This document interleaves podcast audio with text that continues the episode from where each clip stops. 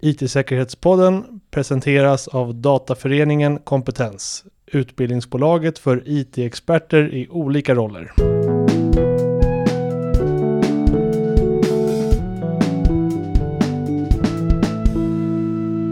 Välkommen till ännu ett spännande avsnitt av vår IT-säkerhetspodcast där vi djupdyker i händelserna och trenderna inom IT-säkerhet. Jag är naturligtvis Mattias Jadesköld och som alltid är tillsammans med maestro Erik Salitis.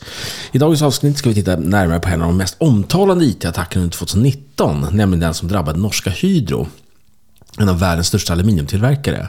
En omfattande attack som inte bara sätter strålkastarljuset på sårbarheten hos stora industriföretag utan också de potentiella konsekvenserna av ett cyberintrång. Ja, attacken som ägde rum mellan den 18 och 19 mars ledde till allvarliga störningar i Hydros verksamhet och resulterade till och med i en ökning av aluminiumpriset på marknaden. De kravställande angriparna som använde den skadliga koden “Lockergoga”, krävde en lösensumma för att stoppa attacken. Men vad är egentligen Lockergoga och hur står sig tillverkningsindustrin idag? Vad ska man tänka på? Mm. Ja, så häng med oss nu när vi tar oss an ett ytterligare avsnitt av Vitsäkerhetspodden och utforskar den här spännande världen av cybersäkerhet. Läget då, Erik? Läget är fantastiskt. Det är en trevlig kväll och jag har haft möjlighet att läsa på lite grann om Norsk Hydro som vi ska prata en del om. Det är en ganska cool historia faktiskt. Ja, det är ju det. Och det är bra att, vi, att du är påläst. Har du sett filmen Hjältarna från Telemarken? Nej. Nej, det är en gammal film som handlar just om Norsk Hydro och attackerna där som elitsoldater gjorde mot eh, det norska tungvattensprogrammet. Ja, men det kommer. Vi tar, vi tar den storyn lite senare tycker jag. Ja. Så vi inte tappar lyssnarna som sitter på cybersäkerhetsnålar eh, här. Ja, ja, ja, ja. Så vi fastnar ja. i andra världskriget. Men vi, när, när vi har liksom vaggats in i den här huvudstoryn så tycker jag att vi landar lite vad som hände då på 40-talet. Du, Mm. Om jag säger livepodd, vad säger du då, då? Då säger jag snart. Vi kommer att livepodda om några veckor. Vilken dag är det? Det är 15 februari klockan 17. Stockholm, nämligen Fleminggatan. Det är i, i eh, Dataföreningen Kompetens lokaler. Eh, och det, det, går åt platserna här så att nu gäller det att boka. Det är bara att hojta till. Maila mig på mattias.moland.com eller maila Erik eller så, så så fixar vi det. Det är gratis naturligtvis. Det bjuds på snacks och, och riktigt tilltugg så man blir nog mätt faktiskt till och med. Och eh, dryck och såna här saker. Gratis. Ja, precis. Gratis. Det är ett säljande argument bara i sig. Sen får ni dessutom möjligheten att titta på mig och Mattias hur vi ser ut i verkligheten. För nu ja. om någon skulle vilja veta det. Och är man lite trött på att lyssna på oss, ja men ingen fara, du och jag kommer inte hålla låda hela tiden, utan vi har lite gäster faktiskt från, mm. från eh, Omega Point som ska prata lite om eh, strategisk säkerhet och sådana saker. Så vi kör en liten intervju där på scenen, eller hur vi gör. Ja, det låter alldeles utmärkt. Ja, och det har ju som sagt börjat rassla in lite bokningar så hojta till så försök ta med er kollega, kunder eller klasskamrater också har dykt upp och sådana här saker. Så det är bara att, att köra på. Ja, just det. Du, ja, men, ja. 2019 tar vi oss tillbaka till. Fyra år sedan ungefär. Mm. Kommer du ihåg vad du gjorde då för 2019? Ja, då hade jag just... Eh, nej, du höll, ja, vad gjorde jag då? Sluta gymnasiet. Nej, det är 17. Jag är ju 49 liksom. Så jag vet inte. Jag jobbade Fick på som vanligt. Vi hade poddavsnitten även då faktiskt. Så att, eh, ja, jag, vet, jag vet inte. Vad gjorde jag 2019? Vad gjorde du själv? Jo, då spelade, in, då spelade vi in lite diverse poddar. Och så. Jag kommer ihåg faktiskt när den här attacken mot Norsk Hydro skedde. Då, för jag tänkte på den här då. Så att, ska vi spela in ett avsnitt då om den? Men vi väljer att göra det nu, det vill säga eh, fem år senare typ. Men... Jo. Men då har vi eh. perspektiv på den så att vi vet mer om det än om vi hade tagit det direkt. Så det är vår grej liksom. Ja, precis. Eh, Norsk Hydro då, då eh, är ju en av världens största aluminiumtillverkare. De här blir då angripna av en attackerare för att kräva dem på pengar. Helt enkelt ett klassiskt ransomware. Just det. och direktören Eivind Kallevik går ut och säger att liksom, har sagt att man har fått ett virus och att man lyckas isolera det här och neutralisera det. Eh, och man säger att attacken inte verkar ha påverkat deras verksamhet utanför Norge. Så det är liksom Norsk Hydros verksamhet i Norge som är så. Det som var bra där, det var ju det faktum att eh, de kunde hålla igång sina anläggningar med manuell eh, handpåläggning så att säga. De, behövde, de kunde alltså köra allting utan att ha tillgång till de här datorerna. Och det är intressant. För det är ju någonting som eh, flera borde ha ta lärdom av. Man pratar alltså mm. om, om kontinuitetsplan. Och då brukar man ofta blanda ihop det här med jag brukar, jag brukar tjata om det här lite, men att man brukar ofta blanda ihop det här med, med disaster recovery. Men disaster recovery handlar om att försöka återställa IT-systemen, medan business connectivity, eller kontinuitetsplan, handlar om att fortsätta med verksamheten. Så har man kanske en butik så kanske det handlar om att ta betalt med kontanter eller vad tusan man kan göra för manuella saker. Eller, eller man har andra system. Hur, hur, får, hur får man fortfarande verksamheten igång? Mm. Och det har de ju lyckats visa att det kunde de göra. Men kostnaden var fortfarande astronomisk. I alla fall om man tittar på ja, jämfört med andra då. Mm, precis. Eh, och det här som du sa i inledningen, 18-19 mars 2019. Och den här attacken som påverkade då eh, aluminiumpriset. Det ökade faktiskt med 1% för den här attacken. Lite intressant. Ja, det säger en del faktiskt. Jag undrar om hackarna visste att de skulle få sån effekt. Mm. Eh, och den här skadliga koden då som de drabbades av, Locker Goga, vad kan man berätta mer om den? Ja, det är ju en intressant fågel om jag får säga så. Eller kanske jag ska säga om det är en fågel så är det en kalkon. Mm. För den är inte så där extremt smart.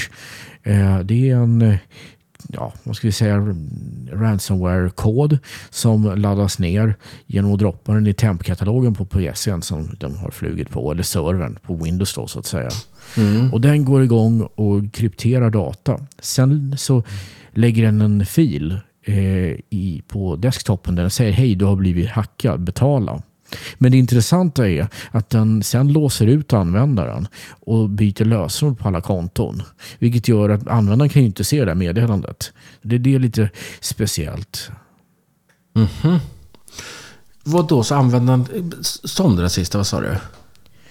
Jo, det jag sa att det är lite speciellt i och med att användaren aldrig kommer att få meddelandet för datorn är obrukbar. Och startar de om datorn då startar den inte upp igen utan klagar på att botsektorn är trasig. Ja, Okej, okay. så, så hur, kan, hur får man tillbaka en sån dator? då? Ja, det är ju, får man hoppas på att man har backuper. För då när jag läste det här så fanns det ingen dekrypteringsprogramvara som har tagits fram av folk som är white hats. Utan det enda sättet att få tillbaka filerna är att kontakta den här gruppen som ligger bakom. Och det intressanta med dem är att de vill förhandla. Normalt sett när du ser ett sånt meddelande det står hej du har blivit hackad, betala så här mycket i bitcoin. Mm. Här är det istället en e-postadress. Maila mig så diskuterar vi ett pris. Okej. Okay. Så, ja, så det, jag tycker det känns som ett ganska slarvigt ihopsatt ransomware om jag ska vara helt ärlig. Ja, Okej. Okay. Ja, men i alla fall. Eh, norska Hydro gick ut då, i alla fall eh, i samband med attacken här att de, att de sa att de vägrar betala lösensumman och meddelar att de har säkerhetskopior. Så det verkar ju vara, vara så i alla fall att, att backup kunde man få återställa datorerna i alla fall. Då, då. Ja, alltså det här är ju för att backuperna inte var påverkade. Det kan man mm. ju tacka sig att det här förmodligen var ett ganska enkelt ransomware. Hade de varit lite mer slundiga så kanske de hade gjort så att de krypterade även backuperna. Just det, precis. Det, det, det har man sett kom några år efter då. Det är det som man börjar lösa nu med sån här uh, immutable backup eller oföränderlig backup som det kallas för. Liksom. Just det. Som fungerar ungefär som CD-skivor om man vill minnas det. Eller som man bara kan bränna en gång ungefär. Just det, och det är ju ganska säkert. Men även att ha ett backup-system som inte ligger på själva domänen då. Om man har en Active Directory-domän så vill man inte att backup-servern är med där. Och dessutom vill man ha en backup-lösning som inte tillåter eh, servrarna att radera sina egna backuper. Mm. Du, eh, en sak som jag tycker, vi får gå tillbaka i Norge då. En sak som är lite intressant, eh, jag såg en analys här från säkerhetsföretaget eh, Kaspersky Lab, som var från attacken, som man sa så här, att den här attacken kanske fick ödesdigra konsekvenser för, för industriella organisationer. Så jag tycker vi pausar lite den här storyn och så tar vi just till, liksom, till Eh, tillverkningsindustrin och attacker mot sådana. Och så, så försöker jag bottna lite var det här begreppet eh, kan komma ifrån. Jag tror att jag har en slags idé där. Ja, okej. Kör hårt. Mm. Eh, jag bygger ju min go-to eh, omvärldsanalys. Det är faktiskt X-Force från IBM. Jag tycker den är väldigt bra. Mm, vi har pratat om den förut och den är väldigt eh, enkel och överskådlig att läsa och sånt där. Och Mm. naturligtvis har de ganska läskiga siffror för det här är ju allt mer vanligt. Ja, och jag tycker den ger sådär lite, ja precis, en överblick, över vad som händer per år och sådär. Men okej, vi tar liksom per sektor och då tycker jag att tillverkningsindustrin som har jämförts mot andra industrier, till exempel utbildning, transport och detaljhandel och telekom och sjukvård och bla bla. Då har ju det blivit en mer attraktiv eh, industrivektor att attackera. Så om man tar 2018, då var det 10% av de attackerna skedde mot tillverkningsindustrin. 2019 så sjönk det till 8% och sen 2020 då exploderade det till 17,7 procent. 2021 23, 2022 24,8. Så nästan en fjärdedel av attackerna 2022 är mot industrin. Det har alltså exploderat från 2019, vilket kanske, det här kanske skulle kunna varit startskottet eller, eller varit en, en aha-upplevelse för andra attackerare. Ja, just det. Att det finns mycket pengar inom industrin. Och dessutom så, den kan ju inte stå still. En del företag kan ju ta det med ro, men, men om det är stora företag, multinationella med fabriker och grejer, då är det ju total katastrof. Exakt. Det blir ju liksom så att de kan ju räkna på varje timme som, som maskineriet bokstavligen står still. Det kostar pengar liksom. Ehm, och, och det är väl det som har blivit intressant också för hackare att titta på. Liksom, att här finns det, här blir det verkligen kris och panik och det blir stressade organisationer. Och stress så kanske man inte tar så eh, kloka beslut och då kan det mycket väl vara så att man betalar ransomware. Men vi tittar på lite vanliga attacker då, så jag tänkte att jag tar dem så får väl du beskriva lite snabbt vad det, vad det är för typ av... Ja, precis. Eh, nu pratar vi pratar alltså att, att vanliga attacker mot en industri helt enkelt. Ja, men, Eh, backdoor, vad är det för någonting? en bakdörr, helt enkelt en programvara som släpper in dig. Även om du inte har lösenord och namn till systemet. Mm. Är Locker Goga en bakdörr eller? Nej, det är den inte. Den är en ganska klassisk krypteringsprogramvara. Skadlig kod för som krypterar filer. Och det kan, innan vi går vidare kan jag bara påpeka det att förmodligen så har, sök, har de hittat eh, namn och lösenord till hy, Norsk Hydro och det fick de via så kallad spearfishing där de skickade mejl och lurade av folk deras inloggningsuppgifter och det räckte uppenbarligen att göra för så mycket skada som de kunde göra. Ja, och spearfishing kommer jag inte gå in på vad det är för någonting, för det är bara att lyssna på något av våra andra 233 program så har vi säkert nämnt det någon gång. Eller ett par. Men, en annan vanlig, veck, annan vanlig vanligt attack att industrin, industrin är default-konton. Vad betyder det? Det är helt enkelt konton där du låter dem vara från när du får produkten. Det vill säga du byter inte lösenordet på den nya fina routern vilket innebär att den har standardlösenord. Till exempel admin med lösenordet passord. Och det där letar ju hackare efter. Någon enhet som någon har glömt att byta lösenord på. Men shit, är, är, det, är det vanligt? Du, du som håller på med pentest och såna här saker. Ja, jag, jag vet inte, det, um, jag testade en kunds brandvägg och eh, det var ett antal år sedan. Och då upptäckte jag att standardlösenord och namn gick för att ta sig in i konsolen. Så den brandväggen den brann. herregud. Ja. Så det händer. Jag, det, det är så lätt gjort. Du kanske har dokumenterat i ditt favoritlösenordsprogram då att du har skrivit de här men du har i verkligheten aldrig satt lösenordet. Du har glömt att göra det. Det, det är inte jätteovanligt. Nej, precis. För det kan man ju då hitta på nätet då. Jaha, den sån här kära brandväggen har den default-lösenord och default password och såna Ja. saker. Jag, jag har ju märkt att när man får hem såna här nya routrar till bredband och såna här saker. Då verkar det vara slumpmässigt genererade lösenord numera i alla fall. Och de sitter som en klisterlapp på maskinen. Mm, det är ganska säkert ändå. Bättre. Ja, ja visst. Sen finns det någonting som Public Facing Application eller publikt ansiktsapplikation som det heter. Ansiktsburk. Ansiktsburk. Nej men pu- publi- alltså, eller vad ska man säga? Ja, Public Facing Application, berätta. Ja, det är saker och ting som ligger direkt på internet nåbart. En webbserver till exempel eller liknande. Mm. Och de är ju naturligtvis gefundenes fressen för någon som försöker att attackera företaget. För hej, det är öppet in. Men de Mm. brukar vara ganska hårt skyddade så att det kan vara väg in. Mm. Men hur ska man tänka då? Liksom, jag förstår att man kanske vill ha vissa saker som är publikt tillgängliga. Framförallt inom industrin kanske man har liksom någon applikation som ens kunder använder för att titta på orderstatus. Eller vad det kan vara. Och så behöver den prata i sin tur med interna system. Hur ska man tänka då? då liksom? Ja, det, det första är, kan man köra ett VPN? Är det möjligt att bara göra de här interfacen tillgängliga vid VPN så är det den bästa vägen att gå. Mm. Det är det första. Det andra är, använder du mikrosegmentering? Kort sagt, om hackaren tar över en, en maskin som är synlig från internet, public facing som du säger, Mm. då är just den stora frågan, kan de göra någonting mer och hoppa vidare in i systemet? Och om det är mikrosegmenterat så kan de inte det. Då fastnar de i den mailserver, eller förlåt, den heter det, webbserver som de har tagit över. Mm. Så det är väl ungefär det. Ja, förstår.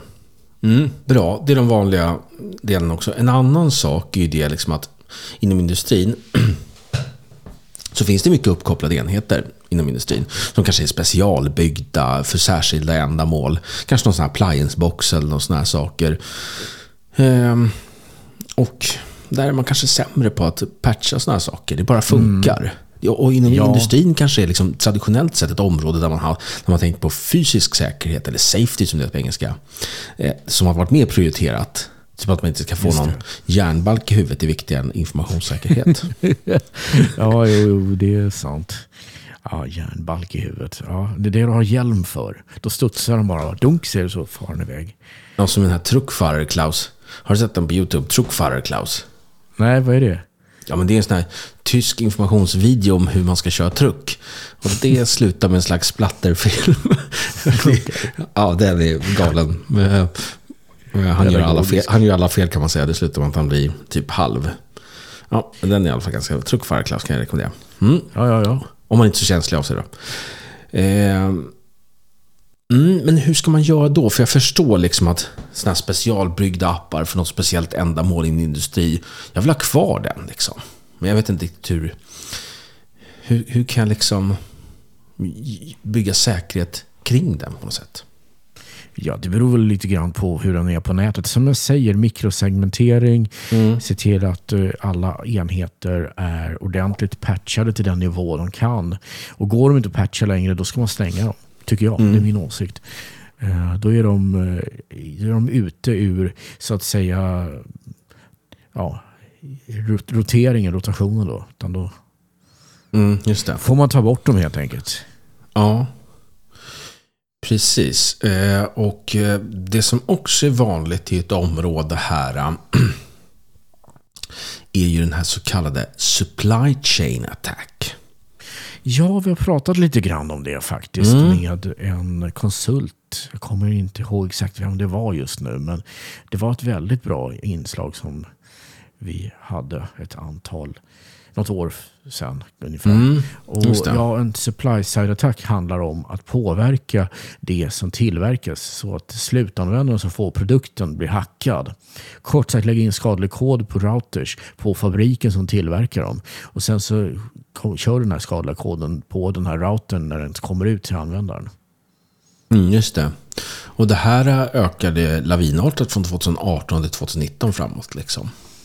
Ja, och det är ju i svallvågorna av Encrochat om du kommer ihåg. Det är väl en av de mest kända supply side-attackerna. Men här var det ju faktiskt myndigheter som såg till att lägga in eh, skadlig kod som gjorde att det gick att avlyssna de här hemliga telefonerna. Då var de inte så hemliga längre. Just Och det. det slutade med att det var ganska många personer som åkte dit på alla möjliga typer av kriminella aktiviteter som de försökte dölja med den där Encrochat. Mm. Och det intressanta är ju att alla som har alla stora gäng fick ju en hel del problem med polisen efter det här. Från det läckte data. Men det fanns en motorcykelklubb som inte hade en enda person som åkte dit. Vet du vilken? Mm, det var Hells Angels. Korrekt. De använde inte Encrochat. Ja, vad använder de då? Något annat? Ja, det är en bra fråga. Eller så kanske de är så pass primitiva att de har två eh, heter det, burkar och en tråd. En burn phone. Ja, nej, jag tror att de, är, de där gängen är bra mer, mycket mer avancerade än man anar. Men jag tycker det är intressant just den här Encrochat-grejen. Det om detta. Ja, precis. Mm, men tillbaka lite på, på, det, på um, supply chain eller leverantörsattacker. Då. Ja, men det, det här tror man att det är en ganska stor risk och sådana här saker för organisationer. Mhm. Eh, för att man helt enkelt litar på saker och ting. Du köper ju någon riktig pryl, typ någon router eller någon switch från någon erkänd så. Men det kan vara att liksom de har redan en bakdörr i sig då på något sätt. Ja, det är precis det jag talade om där. Och det gör ju att det är ganska farligt att köpa saker. Det, det, det leder också till en del paranoia. För ett antal år sedan så gick det rykten om att det fanns riskornsstora chip på diverse nätverksprodukter som ringde hem till Kina. Det visade sig vara en bluff, men Det kanske var ekonomiska incitament bakom. ja, Att vi skulle köpa amerikanska prylar istället kanske. kan ha varit. Kan ha varit. Foliehatt på. Ja, eller hur? Du, och sen finns det också en intressant här lite ny take på det här om vi har pratat om det förut. Det är NIS 2 som kommer här med buller och bång i oktober. De, eh, i, I den direktivet så sätter man ganska tydlighet på eh, att man har minimikrav för åtgärder när det gäller just leverantörskedjan. Just det. Eh, Man ska säkerställa att aktörer som, som berörs eh, av de här tekniska eh, prylarna. Du är helt enkelt eh, ansvarig som organisation på att, på att ha kunskap om cyber, cyberhygienen hos de här olika leverantörerna man har helt enkelt. Du, det, är ju bra. Du, vi får inte glömma, vi skulle prata lite grann om Norsk Hydro, var det inte så? Ja, precis. Så vi kan väl ta oss vidare där. Vi tar oss tillbaka till Norge. Eh, lite som en andra akt. Nu när vi har stickit ifrån lite sådana här saker. Eh, vi tar oss fram två månader efter attacken. Det vill säga nu är vi i maj 2019. Eh, och då har eh, attacken är fortfarande... Den är liksom uppklarad men det är fortfarande återstående arbete. Allting är inte fullt fungerande igen. Man beräknar att kostnaden för det här beskrivs som en global kris. Ungefär 305 300-350 miljoner norska kronor har det här kostat. Hade det, jag säger nu är det lite djävulens advokat här, eller advokado Mm. kanske. Och jag säger att hade det inte varit bättre att betala, vad heter det, ransomware-avgiften och sluppit de här. För Det är ju nästan en 10 potens över eh, vad hackarna krävde för att återställa allting. Nej, det ska jag inte rekommendera någonsin för att du liksom ska inte Nej. Jag, jag Eh, sa ju djävulens advokado. Ja, ja precis. Avokado. Ja, precis. Ehm, men det, det är liksom...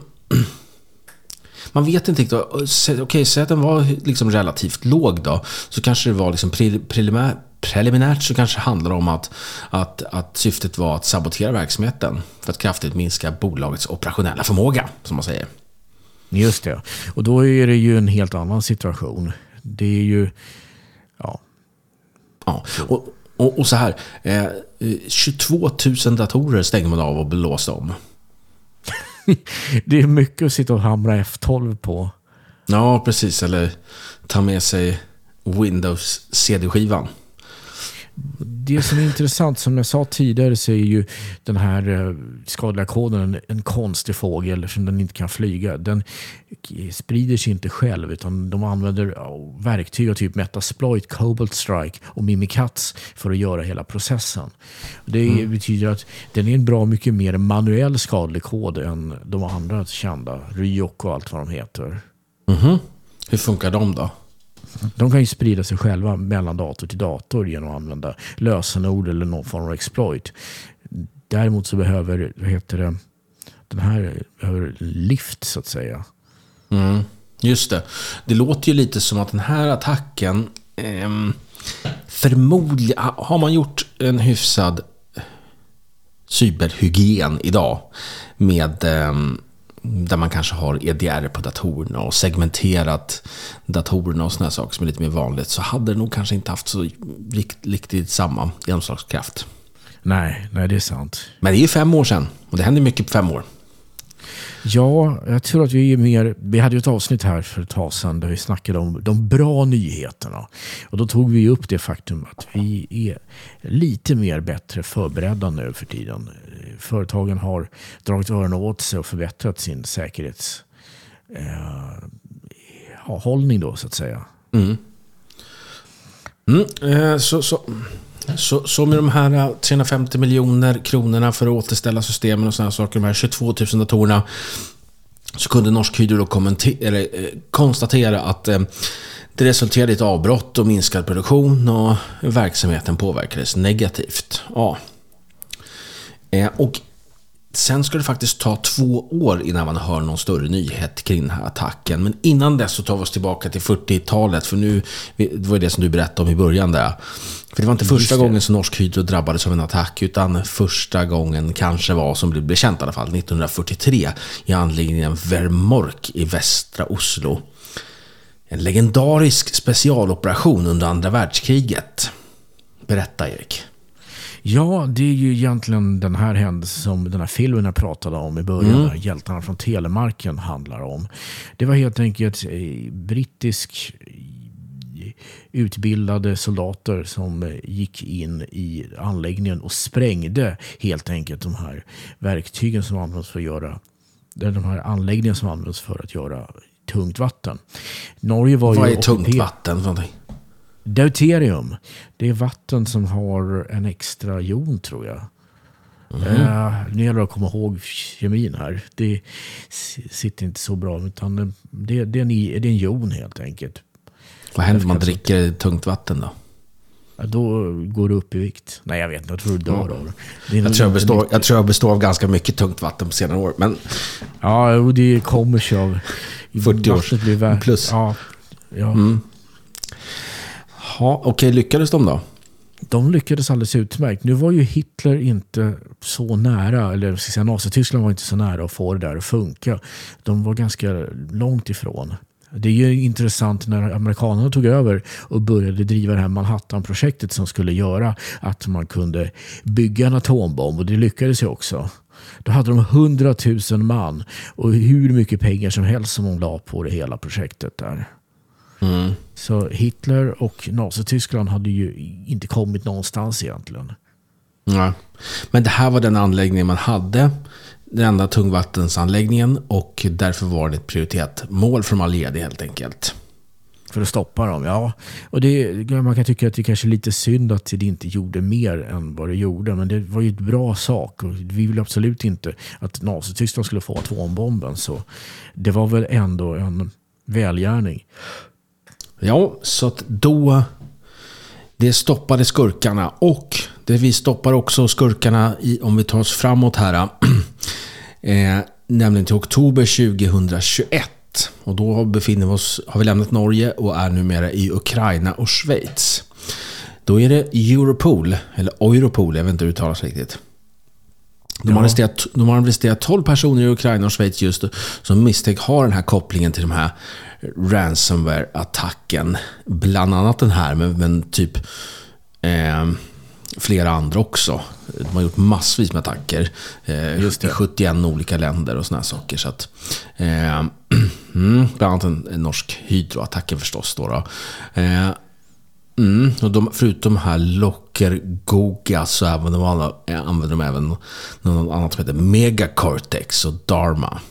Det jag tycker är så konstigt med hela den här historien är de måste ju generera pengar som grus. Liksom. Jag menar, eh, jag läste om någon gäng där de hade liksom, beslagtagit alla möjliga typer av lyxbilar och allt möjligt hos de här personerna.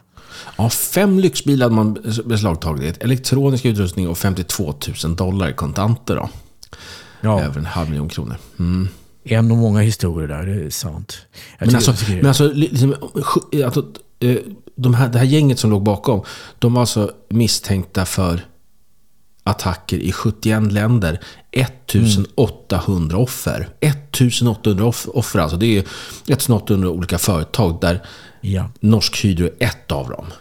Jag skulle vilja veta om det finns någon statistik. Det har vi ju inte här. Men hur många betalar mm. egentligen? Jag menar, man säger att man ska inte betala och det är det korrekta svaret. Ger de ingenting, jag menar, det är så det är. Ja, jag, jag tyckte bara att det här uh, ransomware-programmet som de hade, Megacortex, var mäktigt. Megacortex. Cortex, det är väl frontalloben på hjärnan, är det inte det? Ja, men det låter ju som någon superskurk. Megacortex. Typ som Transformers eller någonting. Ja, precis. Mm. Det var allt vad vi hade från vårt kära grannland i väst. Som, som kommer drabbas av en stor eh, storm här i helgen.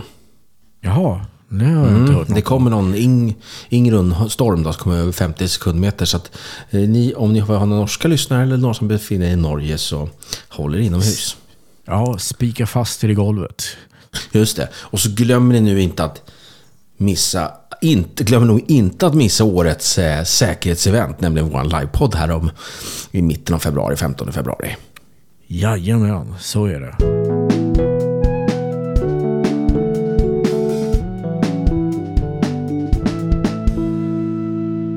IT-säkerhetspodden presenterades av Dataföreningen Kompetens, utbildningsbolaget för IT-experter i olika roller.